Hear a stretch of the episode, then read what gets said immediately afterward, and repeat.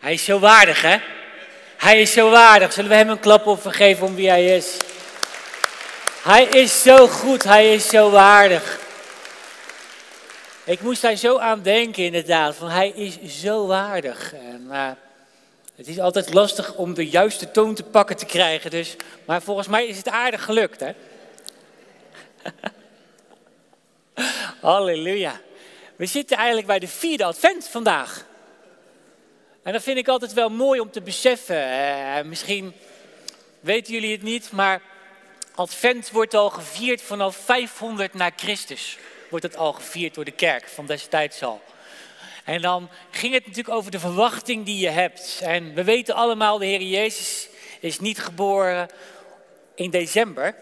Maar het is wel mooi om het te mogen vieren dat Hij gekomen is naar deze aarde. Sowieso is dat mooi. En sommige mensen hebben er ook wel eens moeite mee van ja, hoe zou ik dat kunnen vieren?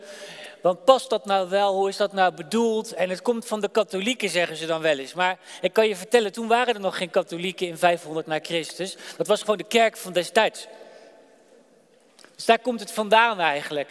En de idee, het idee van de kerk was adventus. Dat betekent eigenlijk het verwachten eigenlijk. Adventare betekent het eigenlijk in het Latijn. Dat betekent dat je verwacht. En we mogen zo aan de ene kant, is het een beetje gek om te vieren, vind ik altijd, want je viert dan iets wat al gekomen is. Aan de andere kant had de kerk al heel snel dat ze niet alleen maar de komst van de Heer Jezus in het vlees vierde eigenlijk, want dat is eigenlijk wat we vieren, dat hij in het vlees gekomen is. In het begin was het woord en het woord was bij God en het woord was God.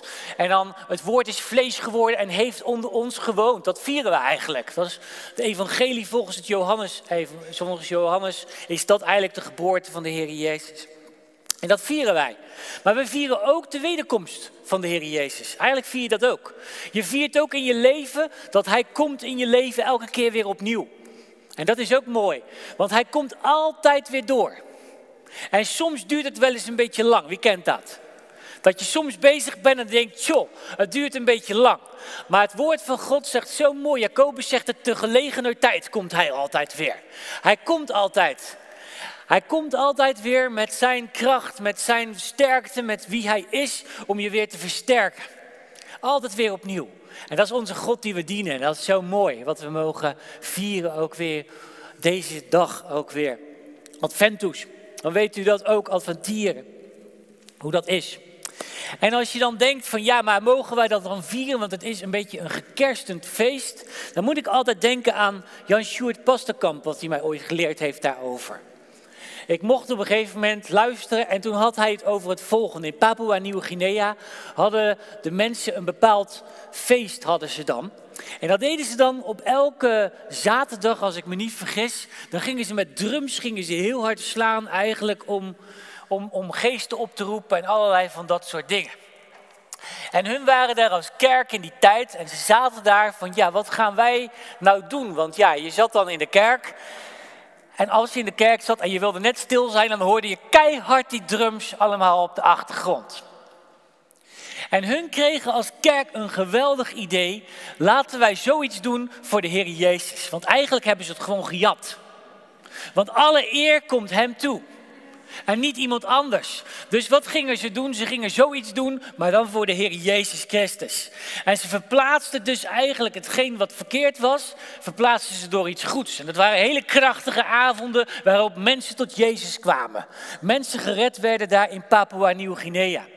En zo vertelde hij ook van nou, hij kan het zich goed voorstellen dat de kerk in die tijd ook zoiets had van hé, hey, hoe gaan we dit nou invullen? Iets wat verkeerd is, maken we daar iets goeds van tot eer en glorie van de Heer Jezus. Want alleen in hem komt alle eer toe. Is dat niet mooi om dat met zo'n gedachte neer te zetten van hé, hey, waarom mogen we dus ook kerst vieren tot eer van zijn naam? En weet je wat ik zo mooi vind ook van dit feest? Het is zo dat iedereen open staat voor het evangelie van de Heer Jezus. Je kunt het er zo met iedereen over hebben. Er is geen periode in het jaar waarin iedereen niet zo open staat om daar iets over te vertellen. Het is heel krachtig als je dat beseft. Wij kunnen iets delen, want iedereen kent dat verhaal van de geboorte van de Heer Jezus. En als ze het niet kennen, kun je het lekker vertellen. En dan kun je ook vertellen dat hij niet alleen maar een kindje is gebleven, maar hij is een man geworden, want een kind is ons geboren. Een zoon is ons gegeven en de heerschappij rust op zijn schouders. Dat zijn drie fasen in het leven van de Heer Jezus. Hij is geboren als een kind, hij liep als een zoon van God rond hier op aarde. En straks zullen we gaan zien, steeds meer en meer, dat de heerschappij op zijn schouders rust.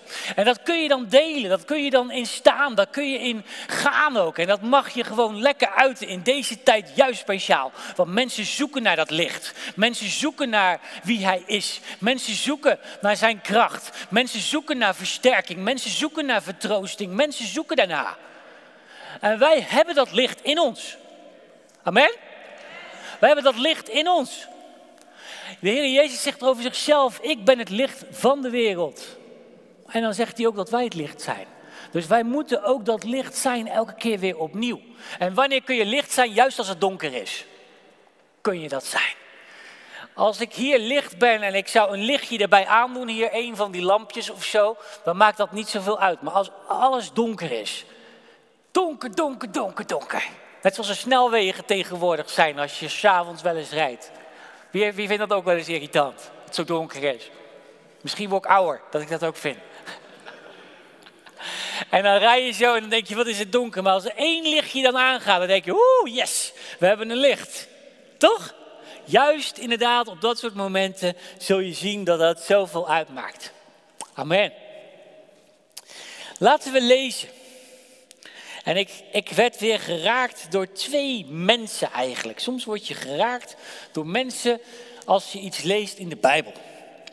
En dan word je geraakt. Trouwens, als kerk is leuk hè. A, B, C, D, E. Weten jullie ze nog? A, B, C, D, E. A van? B van? C van? D van? Diaconie? E van? Evangelisatie. Sommigen gaan wel zelfs door voor de magnetron, zie ik. Die weten ze allemaal. En dat is mooi. En vorige week ging het ook over barmhartigheid. Hè? Barmhartigheid als levensstijl. En in het Hebreeuws, een van de woorden die ook over barmhartigheid gaat, ik heb het vorige week ook gedeeld aan het begin van de dienst, is dat het te maken heeft met de baarmoeder. Dus daar is een veiligheid. Een veiligheid. En dat is zo mooi om te beseffen. En in het Grieks ook tot in de ingewanden bewogen betekent dat. Een heel lastig woord in het Grieks. mai. Als je die in één keer kan uitspreken, dan krijg je zeker een magnetron. Hè? lastig woord, ja, ja, ja. Tot in je ingewanden geraakt worden. En als je kijkt in het Grieks, uh, wat dat betekent, de Grieken, die hadden zoiets van de ingewanden zijn de meest tere punten in een lichaam eigenlijk. Die moet je het beste beschermen. En als je daar dus geraakt wordt, dan wil dat zeggen dat het je heel diep raakt, eigenlijk vanuit je hart. En dat is zo mooi eigenlijk, vanuit je hart geraakt worden. En er zijn twee mensen in het woord van God en we zitten in die adventstijd en ik moest zo denken aan deze twee mensen. En dat zijn Anna en Simeon. Anna en Simeon vind ik altijd hele bijzondere mensen die daar zijn. En ik vind het extra bijzonder, want er staat zo mooi geschreven. En dan in, hij staat er al, in Lucas 2, vers 25. En zie, er was een man in Jeruzalem van wie de naam Simeon was. En die man was rechtvaardig en godvrezend. Hij verwachtte de vertroosting van Israël en de Heilige Geest was op hem. Wauw. Dit is krachtig wat hier staat. 400 jaar lang zien we eigenlijk niet staan, want we zien het Oude Testament en het Nieuwe Testament en dan denken we wel eens van dat gaat direct door. Maar er zit 400 jaar tussen op een gegeven moment. Een periode waarin eigenlijk God niet aanwezig leek. Of niemand de Heilige Geest op zich had. Zo leek het in ieder geval. Ik geloof dat God toch van alles deed. Maar hier staat zo duidelijk dat de Heilige Geest op hem was. En de Heilige Geest was op hem en hij was rechtvaardig en godvrezend en verwachtte de vertroosting. Zo'n mooi kenmerk ook van mensen die de Heilige Geest op zich hebben. Zijn rechtvaardig, Ze zijn godvrezend en ze verwachten. Er is een verwachting altijd. Er is een verwachting. Wat verwacht jij? Wat verwacht ik? Verwachten wij nog met elkaar? Verwachten wij nog? Wie verwacht iets? Halleluja. Wie is er als het ware, geestelijk gezien, in verwachting? Oh yes, ik zie zelfs mannen. Halleluja. We kunnen in verwachting zijn hè, van zoiets moois wat God aan het geven is. En aan hem was een goddelijke openbaring gegeven door de Heilige Geest, dat hij de dood niet zou zien voordat hij de gezalfde van de Here zou zien. En hij kwam door de geest in de tempel en toen de ouders het kind Jezus binnenbrachten om hem te doen volgens de gewoonte van de wet. Op de achtste dag moest je besneden worden. En dat gebeurde dus ook op deze dag. En dan moest je ook presenteren aan de Heere God. Dat was ook wat je moest doen. En dan zien we ook dat hij door de geest geleid werd naar de tempel. Is toch ook zo mooi, hè? Je kunt door de geest geleid worden naar een bepaalde plek. Je kunt door de geest geleid worden naar een bepaalde plek waar je precies een goddelijke ontmoeting hebt. Zo belangrijk dat als je ooit ervaart van hé, hey, ik moet daarheen, ga het dan ook doen. Ik heb een keer met iemand meegemaakt, en, uh, op de Bijbelschool zat ik toen nog. En deze man die had het regelmatig dat hij ergens geleid werd als het ware naar een bepaalde deur. Dan moest hij ook aanbellen en dan ging hij dan ook doen. En hij dacht van zichzelf wel, dit is een beetje gek als ik dat doe. Maar als hij het deed, als hij dan voelde dat hij geleid werd door de Heer God, want dat is het vooral, dan was er altijd iemand die zei, oh fijn dat je er bent. Ik, ik was precies op naar jou op zoek. En dan kon hij dus ineens het evangelie vertellen, kon hij met die mensen bidden die daar waren, gewoon omdat hij geleid werd door de geest van God. Dus God maakt mensen klaar voor allerlei dingen en ook voor goddelijke ontmoetingen. En hier komt ook een goddelijke ontmoeting. Hij wordt hier geleid naar de tempel. En dan neemt hij het kind in zijn armen en dan looft hij God en zei, nu laat u heren, uw dienstknecht gaan in vrede volgens uw woord, want mijn ogen hebben uw zaligheid gezien. Zo mooi. Die hebben de zaligheid gezien die u bereid heeft voor alle volken. Een licht om de heidenen te verlichten, om uw volk Israël te verheerlijken. En dat zie je dat er dan gebeurt. Hier wordt al eigenlijk geprofiteerd over de bestemming van de Heer Jezus. Een licht om de heidenen te verlichten. Dus zo, hij is het licht van de wereld. Hij is het. En dan een kind bestemd tot val en opstanding van velen in Israël en tot een teken dat tegengesproken zal worden. Hoeveel mensen hebben niet juist om dit teken van de Heer Jezus hebben ze willen tegenspreken. Ergens in het Oude Testament in Jezaja staat op een gegeven moment dat een koning vraagt: hey, je mag een teken vragen. En als vraagt, zegt hij dan ook van, nou, ik ga geen teken vragen, ik ga geen teken vragen. En dan zegt Jezaja en de profeet wordt dan ook zo mooi geschreven, dit is het teken wat ik geef. Een twijgje zal opgroeien. En dat gaat dus precies over de Heer Jezus Christus, die dan geboren wordt.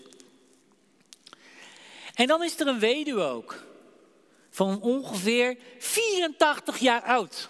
Dat is in deze tijd een beetje oud, in die tijd was het heel oud als je 84 werd. Mensen werden over het algemeen niet zo oud. Tegenwoordig worden we steeds ouder, hè? We worden steeds ouder, dus dat is ook wel weer uh, mooi. Dan ga je lange, dagen weer langer mee. Die de tempel niet verliet, met vasten en bidden God nacht en dag diende. Wat een bijzondere vrouw moet dit zijn geweest, Anna. Een profetes staat er dan, een dochter van Fanuel. En op hoge leeftijd en zij komt dan uit een, een van de tien stammen, komt ze eigenlijk. Dus dat is ook wel goed om te weten. En zij komt in die tempel en ook zij komt daar staan. En beleed eveneens de Heer. En zij sprak tot hem, tot allen die de verlossing in Jeruzalem verwachten. Vind ik zo mooi. God zendt als het ware twee getuigen. Twee getuigen die daar komen staan. En die dan komen vertellen op dat moment van, hé, hey, dit is het licht van de wereld. Hij is het. Hier is, moet je zijn. Een kind is ons geboren. Zo mooi eigenlijk. En dan staat er ook dat zij vasten. Ze bidt en ze vast. Dat doet me zo denken aan het volgende van bidden en vasten. Volgend jaar zullen we ook als gemeente gaan bidden en vasten ook in het begin van het nieuwe jaar. En iedereen mag het lekker op zijn eigen manier gaan invullen. Dat is altijd het mooie van bidden en vasten. Je kunt op heel veel manieren kun je namelijk bidden en vasten. Je hebt bijvoorbeeld bidden en vasten op een gegeven moment wat de Heer Jezus zelf doet. En dan is die 40 dagen is die in die woestijn en dan eet en drinkt hij eigenlijk waarschijnlijk helemaal niet. Waarschijnlijk ook het drinken niet. Er staat er niet zo heel helder, maar als ik het zo lees, dan zie ik eigenlijk dat hij eet in ieder geval helemaal niet en hij drinkt niet. En Mozes was ook op een gegeven moment 40 dagen bij de Heere God. En daar zie je ook dat die 40 dagen eigenlijk zonder voeding was. 40 dagen, dat is wel lang hè, zonder eten. De medische wetenschap heeft ook uitgezocht hè, over bidden, als je het hebt over bidden, vasten, dat 40 dagen ook het maximale termijn is die je, als, die je lichaam überhaupt aan kan om zonder eten te gaan. Als je langer zou gaan zonder eten, dan zou je zelfs je lichaam kapot maken en bepaalde schade zouden dan zijn. Het is precies de maximale termijn. Vind ik altijd heel bijzonder om erbij stil te staan. Dat precies die termijn wordt gevolgd. 40 dagen. Dat is een manier van vasten. We zien ook het Daniel vasten. Daniel vasten. Kennen jullie Daniel vasten? Dan zie je op een gegeven moment dat Daniel ergens is. En Daniel is daar en hij ervaart geen doorbraak in zijn gebed. En dan gaat hij 21 dagen gaat hij dan ook echt zoeken naar God. En dan eet hij geen vlees. Hij eet ook het zoete niet. Dus dat neemt hij niet, geen wijn. En dan neemt hij heel bewust vooral groente, fruit, oh, van dat soort dingen. Nou, heel gezond vasten over een zon. Toch? Je wordt er heel gezond van. En dat gebeurde dus ook met Daniel. Ze zagen er zo goed uit, beter dan olie folaas. Of andere crèmes die je allemaal hebt. Gewoon door ze te volgen, eigenlijk wat God geeft. Ik vind dat zelfs een van de moeilijkste vastes om toe te passen, eerlijk gezegd. Want dan mag je dat zoete niet. En ik, vind, ik hou wel eens van lekker zoete dingen. Wie heeft dat ook? En ik hou zo van vlees en vis en zo. Wie heeft dat ook? Dat vind ik eigenlijk wel het hoogtepunt van de maaltijd. Als je mij vraagt wat heb je gegeten, dan begin ik bij het vlees en dan ga ik daarna naar de rest. Wie heeft dat ook? Ja. En dan, als je dan inderdaad op een gegeven moment zo bezig bent en dan God aan het zoeken bent, dan is dat soms best wel eens pittig. Want op de een of andere manier, als je aan het vasten bent, dan komt er altijd iemand met iets heerlijks langs. Dan ineens is er die heerlijke taart of zo. Toch? Ineens is daar van, joh, als je langskomt, joh, dan gaan we heerlijk eten. Precies op dat moment. En dan is die verleiding zo groot soms. En dan is het weer zoeken van, hé hey heer, ik wil precies dat volgen ook wat u heeft. En dat is soms best lastig, maar het is wel heel krachtig om te doen. Sommige dingen zul je geen doorbraak in krijgen tenzij je bidt en vast. Er is iets soms wat je niet kan breken of dat het niet lukt om door te breken tenzij je bidt en vast. De Heer Jezus zegt het ook. Dit geslacht gaat alleen maar uit door bidden en vasten. En dan heeft hij het over een generatie van ongeloof. Ik heb het de vorige keer ook over gehad. Dat het dus niet ging over discipelen, maar sommige machten en krachten die er zijn, die je alleen maar kan breken door te bidden en te vasten. Er is een plek in toewijding die je eigenlijk alleen maar voor elkaar krijgt, soms in bidden en vasten. Het is gewoon nou eenmaal zo. Maar even het vasten is toch vooral voor die islamieten en zo die dan met Ramadan zo gaan eh, vasten. Nou, het is een oud gebruik wat al helemaal vol staat in het woord van God. Voortdurend kom je tegen. Zowel in het Nieuwe Testament als in het Oude Testament kom je tegen. Je komt het onder meer ook tegen, is ook wel heel mooi, bij Esther 4 vers 16. Esther 4 vers 16.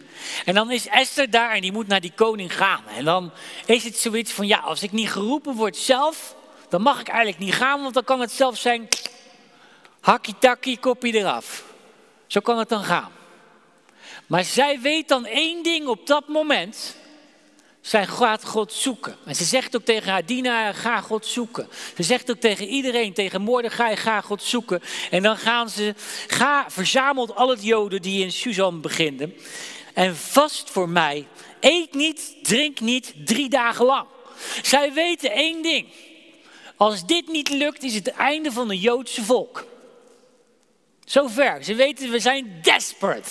We weten niets anders. We hebben één oplossing. En dat is deze weg die er is. Soms moet je wel eens een keer echt heel desperaat zijn voor iets. Dat je denkt, ja, ik kan eigenlijk niet verder zonder dit. Want dan ga je wel de prijs betalen. Soms in het christelijk leven is het wel eens allemaal heel gemakkelijk. Dan denken we van, we doen het gewoon een beetje half, half, half. Wie kent dat wel, half, half, half. Maar God wil niet half, half, half, hij wil radicaal. God wil dat we radicaal zijn. Maar David, dit is wel heel radicaal. Ja, ik weet het, maar Heer Jezus is ook heel radicaal. Hij is vanaf de wortel. En hij wil soms dat we inderdaad gewoon net wat dieper gaan. Een diepere toewijding brengt je op een diepere plek in het koninkrijk van God. Sommige dingen krijg je niet zonder een toewijding.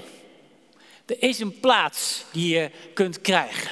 Het komt allemaal niet vanzelf aanwaaien. Dat komt allemaal niet vanzelf aanwaaien. Gelukkig hebben we genade.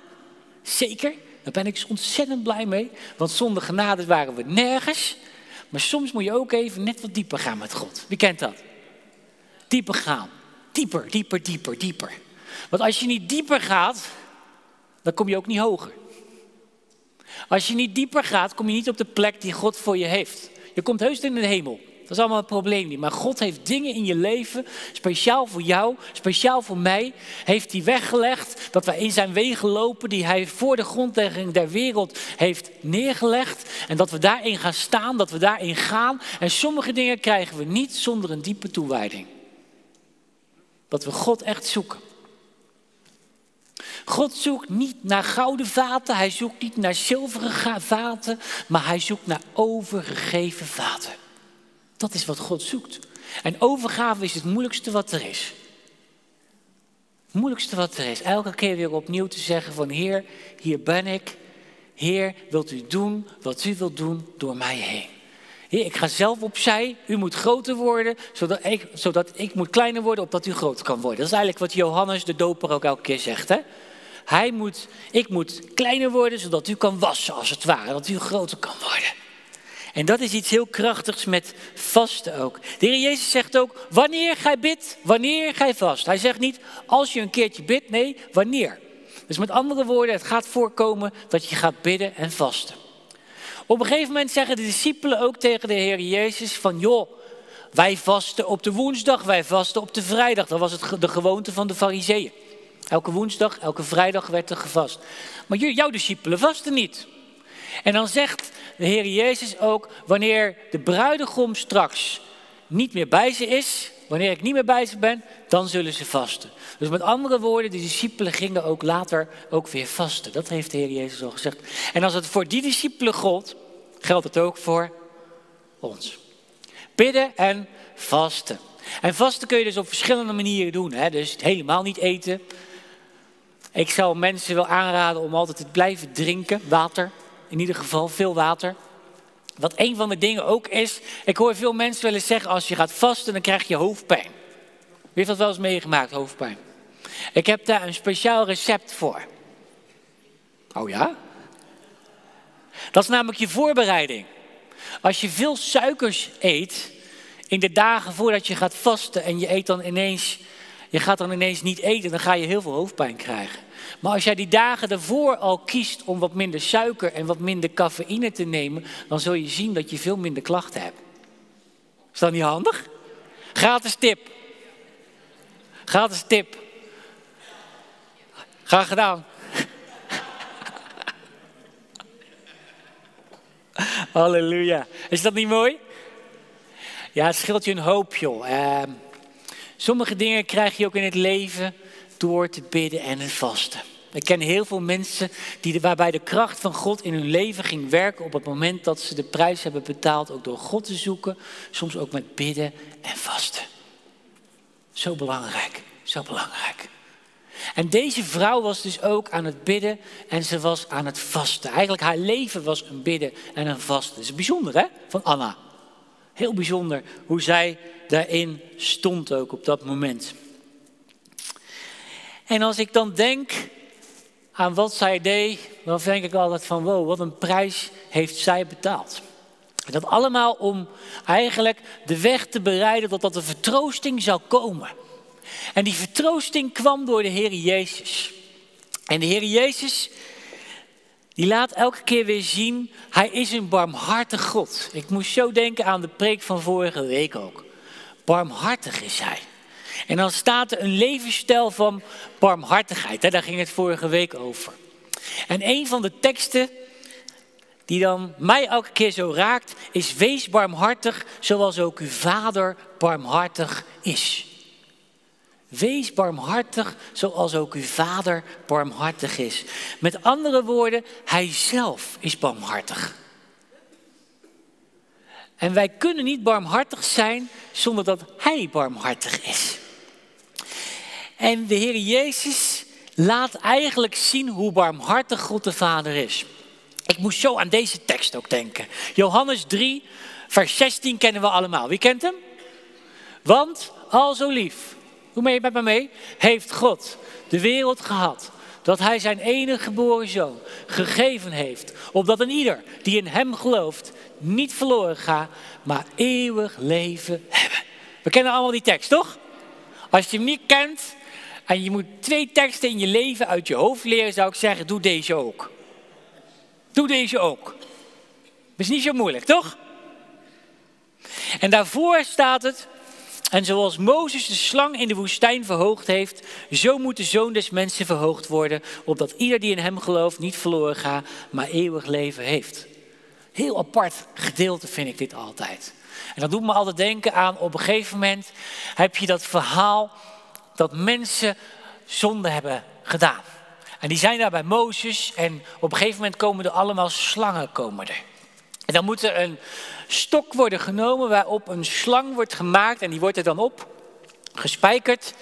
En op het moment dat mensen daar naar kijken, worden ze genezen, worden ze gered en zijn ze veilig.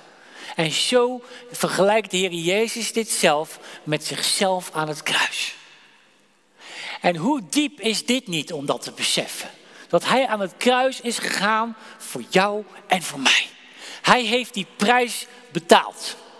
En als we het dan hebben over barmhartigheid, dus met andere woorden dat iemand bewogen is voor een ander, om alles te doen, alles te geven, alles te geven wat je hebt, hoe diep is het dan om je eigen zoon te geven? Ik zeg wel eens, je kan niet dieper gaan dan dat, want God kon alles zo weer maken. Hij sprak en het was er, behalve zijn eigen zoon. Zijn eigen zoon. Dat is het diepste, dierbaarste wat je hebt. Ik heb een prachtig kind. En als vader weet je één ding: het diepste wat je hebt, qua dierbare wat je hebt, is vaak je kind. Wie kent dat? Is zo dierbaar. Als iemand ook iets doet voor mijn, voor mijn zoon, voor mijn kind, dan vind ik dat eigenlijk nog mooier dan iemand iets voor mezelf doet. Kun je dat voorstellen? Zo diep is dat dan. Het is iets wat een liefde is die God in je hart heeft gegeven dan voor zo'n, voor zo'n klein mannetje. Mijn zoontje Daan. Ik ben er helemaal weg van. Helemaal super is dat. Je bent als het ware verliefd op, op je kind. En zo was de Heere God een diepe relatie met de Heer Jezus. En toch geeft hij zijn enige geboren zoon.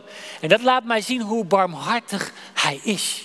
Hoe liefdevol hij is voor jou. En alle zonde, alle pijn, alle verdriet, alle schaamte die je hebt, kwam op hem. Maar David, ik schaam me wel eens voor dingen. Hij heeft het gedragen, je hoeft het dus niet langer te dragen. Alle angst kwam op hem. Maar David, ik heb wel eens angst in het leven. Ja, geef het terug aan hem. Zo belangrijk. Want angst is de tegenstander van geloof. Als je kijkt, het, het negatieve van geloof is eigenlijk angst. De hele Heere God zegt de hele tijd, heb geloof, vrees niet. Het is dus niet ongeloof, maar angst. En angst komt vaak ineens op je af, maar hij heeft alle angst op zich gedragen op dat moment aan het kruis op Golgotha. En daarin werd eigenlijk de barmhartigheid van God werd volledig geuit. Ik vind het het mooiste wat er is qua uiting van barmhartigheid wat er is, dat hij aan het kruis ging voor jou en voor mij. Wauw. En daar mogen we in staan, daar mogen we in gaan, elke keer weer opnieuw. En vanaf daaruit mogen wij ook barmhartigheid weer uitdelen. Elke keer weer opnieuw. En barmhartigheid uitdelen, hebben we natuurlijk vorige week ook over gehad, mag gewoon zijn door te zijn wie je bent. En soms kan dat zijn dat je een kopje soep naar iemand brengt. We mochten laatst bijvoorbeeld bij iemand een kopje soep brengen die het heel moeilijk had. Mensen, hun, hun kind was overleden. En dan zie je hoe dat al gewaardeerd wordt door een kop soep te brengen. Gewoon een pan soep. En zelf hebben we dat ook meegemaakt in het ziekenhuis. Op een gegeven moment dat, dat er mensen waren die iets voor je kookten. Hoe wonderlijk mooi is dat door iets, zoiets te doen. Maar David, ik kan helemaal niet koken, ik kan zelfs geen ei bakken. Nou, je hebt gelukkig ook wel iets wat je kan. En ga daarmee iemand zegenen. Toch? Wie kan er iets in het leven? Allemaal. Als je niks kan in het leven, dan moet je naar me toe komen, want dan ga ik met je praten en dan ga je ontdekken daarna dat je toch wel wat kan. Want ik kan niet geloven dat iemand niets kan. Iedereen kan namelijk iets. En de een schrijft misschien kaartjes. En dat kan zo mooi zijn om een ander te versterken. En dan krijg je zo'n kaartje en dan denk je, woehoe, yes. Wie kent dat, dat hij zo'n kaartje krijgt? Die je zo versterkt, juist als je het moeilijk hebt. Ja, ja, je hebt een mooi kaartje gekregen. Ik zie het al. Jaap kwam nog met kaartjes inderdaad. Hele mooie kaarten. Is dat niet geweldig? En dan versterk je een ander. Is toch zo mooi? En een ander komt weer, joh, ik help iemand mee met verhuizen. Dat is ook zo mooi. Dat je iemand kan helpen met verhuizen. Kun je ook weer iemand mee versterken. En we kunnen allemaal iets. En ik hoorde ooit van een vrouw. En deze vrouw heet Heidi Baker. We waren in Mozambique. En op een gegeven moment waren we daar. En zij had als thema altijd. Dat liefde, love looks like something.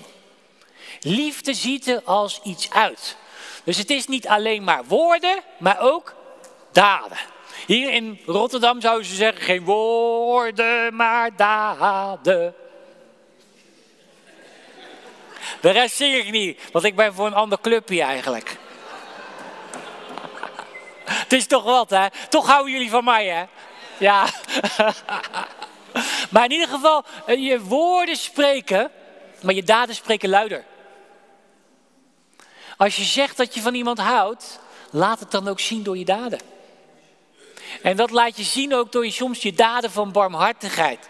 Als wij zeggen dat we van deze stad houden, moeten we iets laten zien aan deze stad dat we van deze stad houden. Maar David, hoe laten we dat dan zien? Nou, ik kan je vertellen, dezezelfde vrouw zei ook altijd, je kan niet iedereen raken, maar je kunt wel die ene raken. Je kunt misschien niet iedereen raken, maar je kunt wel die ene raken. En soms is het die ene die om jou heen is. Want wie woont er ergens? Wie woont er ergens? Ja. Wie zit er naast iemand? Hey, daar kun je iemand raken. Wie komt er wel eens mensen tegen? Je kunt iemand raken. En je kunt dus de liefde van God kun je laten zien aan die ander. Ik hoorde een paar jaar geleden kwam er een lieve oudere zuster naar me toe en zij kon eigenlijk niet veel meer. Zij kon eigenlijk bijna niks. En ze zei, David, ja, wat moet ik nou eigenlijk? Ik kan eigenlijk niks. Dan zei ik, nou, je kan in ieder geval voor mij bidden.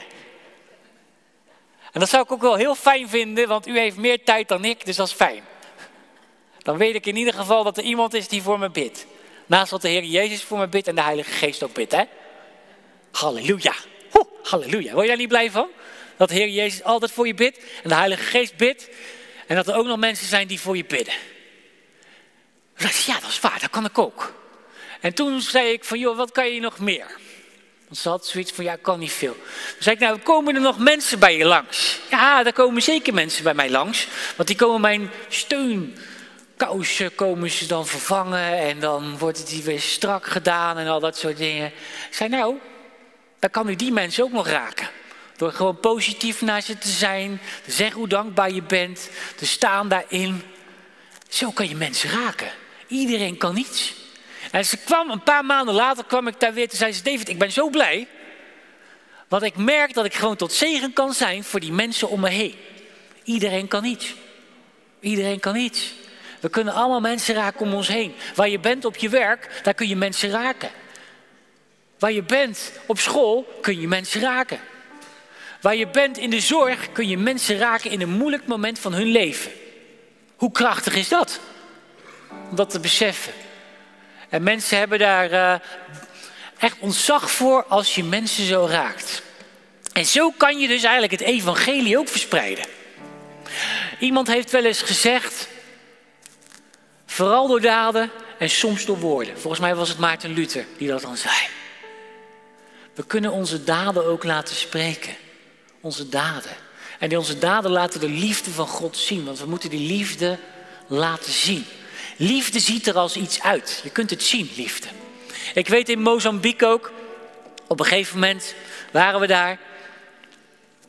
En ik vond het best wel eens lastig, want je had daar van die kinderen die kwamen allemaal naar je toe, van die weeskinderen.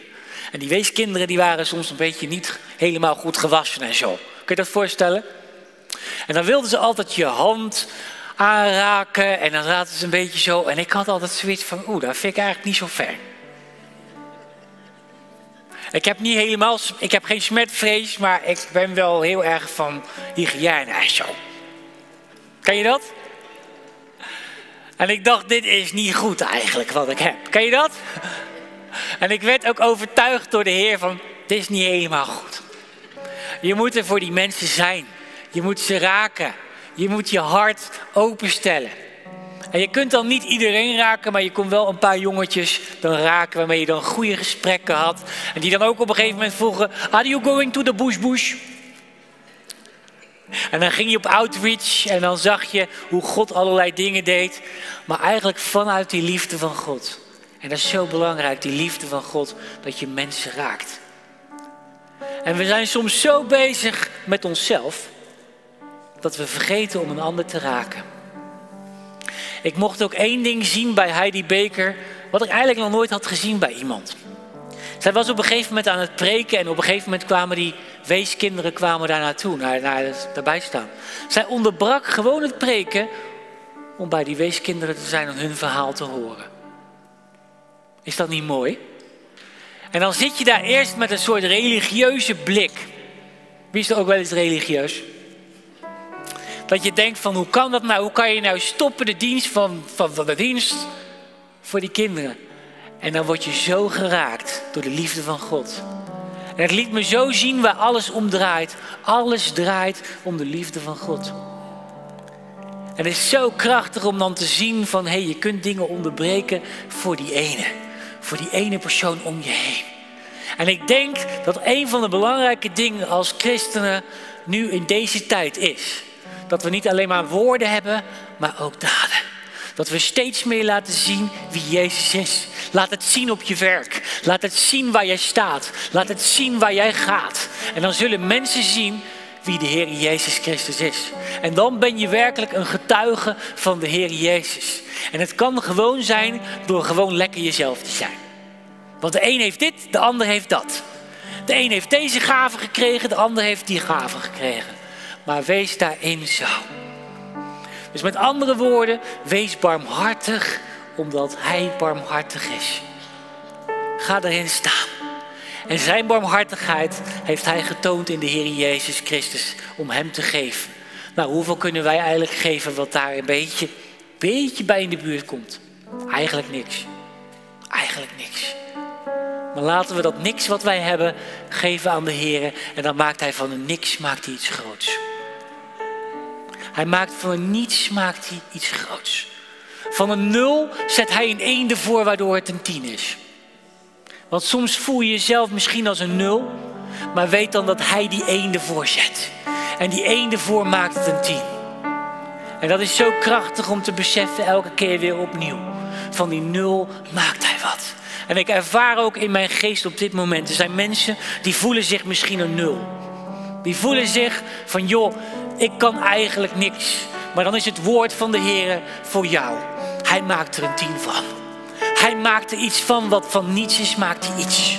Hij maakt van iets kleins, maakt hij iets groots. Want hij is degene die alle dingen mogelijk maakt. Amen. En David, maar ik ben het helemaal niet waard. Jij bent zoveel waard als het bloed van de Heer Jezus Christus. Want hij heeft zijn bloed voor jou gegeven aan het kruis op Golgotha. En hoeveel is het bloed van de Heer Jezus waard? Het is zoveel waard als het leven van de Heer Jezus. En hoeveel is het leven van de Heer Jezus waard? Het is goddelijk leven. Halleluja.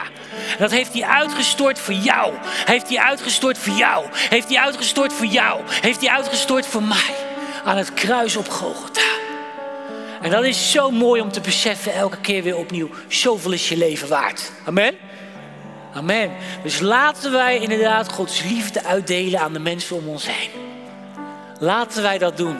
Laten wij dat doen. Laten wij barmhartigheid tonen. Laten wij die bewogenheid van binnen, laten we die tonen aan anderen om ons heen. En dan zul je zien dat we echt getuigen van de Heer Jezus mogen zijn. En weet je wat er ook nog zo mooi is daaraan? Het voelt ook nog geweldig als je het mag uitvoeren. Het voelt zo fijn. Ik heb zo gemerkt dat als je iets mag doen voor een ander, dat dat zoveel toevoegt aan je eigen leven ook wel. Aan je eigen leven voegt het zoveel toe. Dus laten we zo leven. Amen. Amen. Laten we gaan staan. Oh ja, nee, dat snap ik. Als je niet kan staan, hoef je niet, niet te staan. Maar je bent wel goed gemutst, zie ik. Ook goed gemutst. Ja, het is hier een beetje koud voor de kijkers thuis, dus dan ben je soms goed gemutst. Door een mutsje. Halleluja. Halleluja. Halleluja. En ook als je ervaart, hé, hey, ik voel me soms die nul, weet dat God die één ervoor zet. Ook op dit moment. We gaan het ook in de geest neerzetten. Heer, dank u wel dat u hier bent, Heer. U bent de koning der koningen en u bent de Heer der heren, Heer. u bent het begin, u bent het einde, Heer. U bent inderdaad de alfa en de omega, zoals we gezongen hebben, Heer. Heer, in de naam van Jezus Christus van Nazareth, Heer. Heer, spreken wij voort, Heer. Heer, dat waar mensen zich een nul voelen, Heer. Heer, dat uw liefde daarin gaat komen, Vader, Heer. Heer, en dank u wel voor u één die ervoor gezet is, Heer. Heer, dat het een team mag zijn, Heer, samen met u, Heer. Heer, dank u wel, Heer, voor uw liefde wat stroomt, Heer. Als een brede rivier, Vader, Heer. Heer, uw barmhartigheid, Heer. Heer, Heer, dat heeft uitgestort, Heer, over ons, Heer. Door het sterven van de Heer Jezus Christus, Heer. Dank u wel daarvoor, Heer. Heer, dank u wel daarvoor, Heer. Heer, dank u wel, Heer, dat we vanaf daaruit, Heer. Heer, ook barmhartigheid aan anderen mogen laten zien, Heer.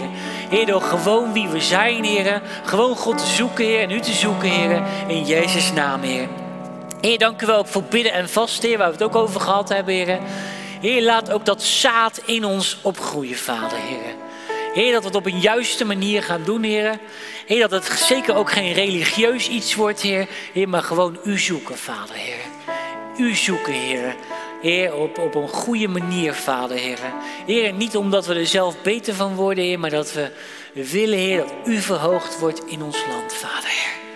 Heer, dat U verhoogd wordt, Heer.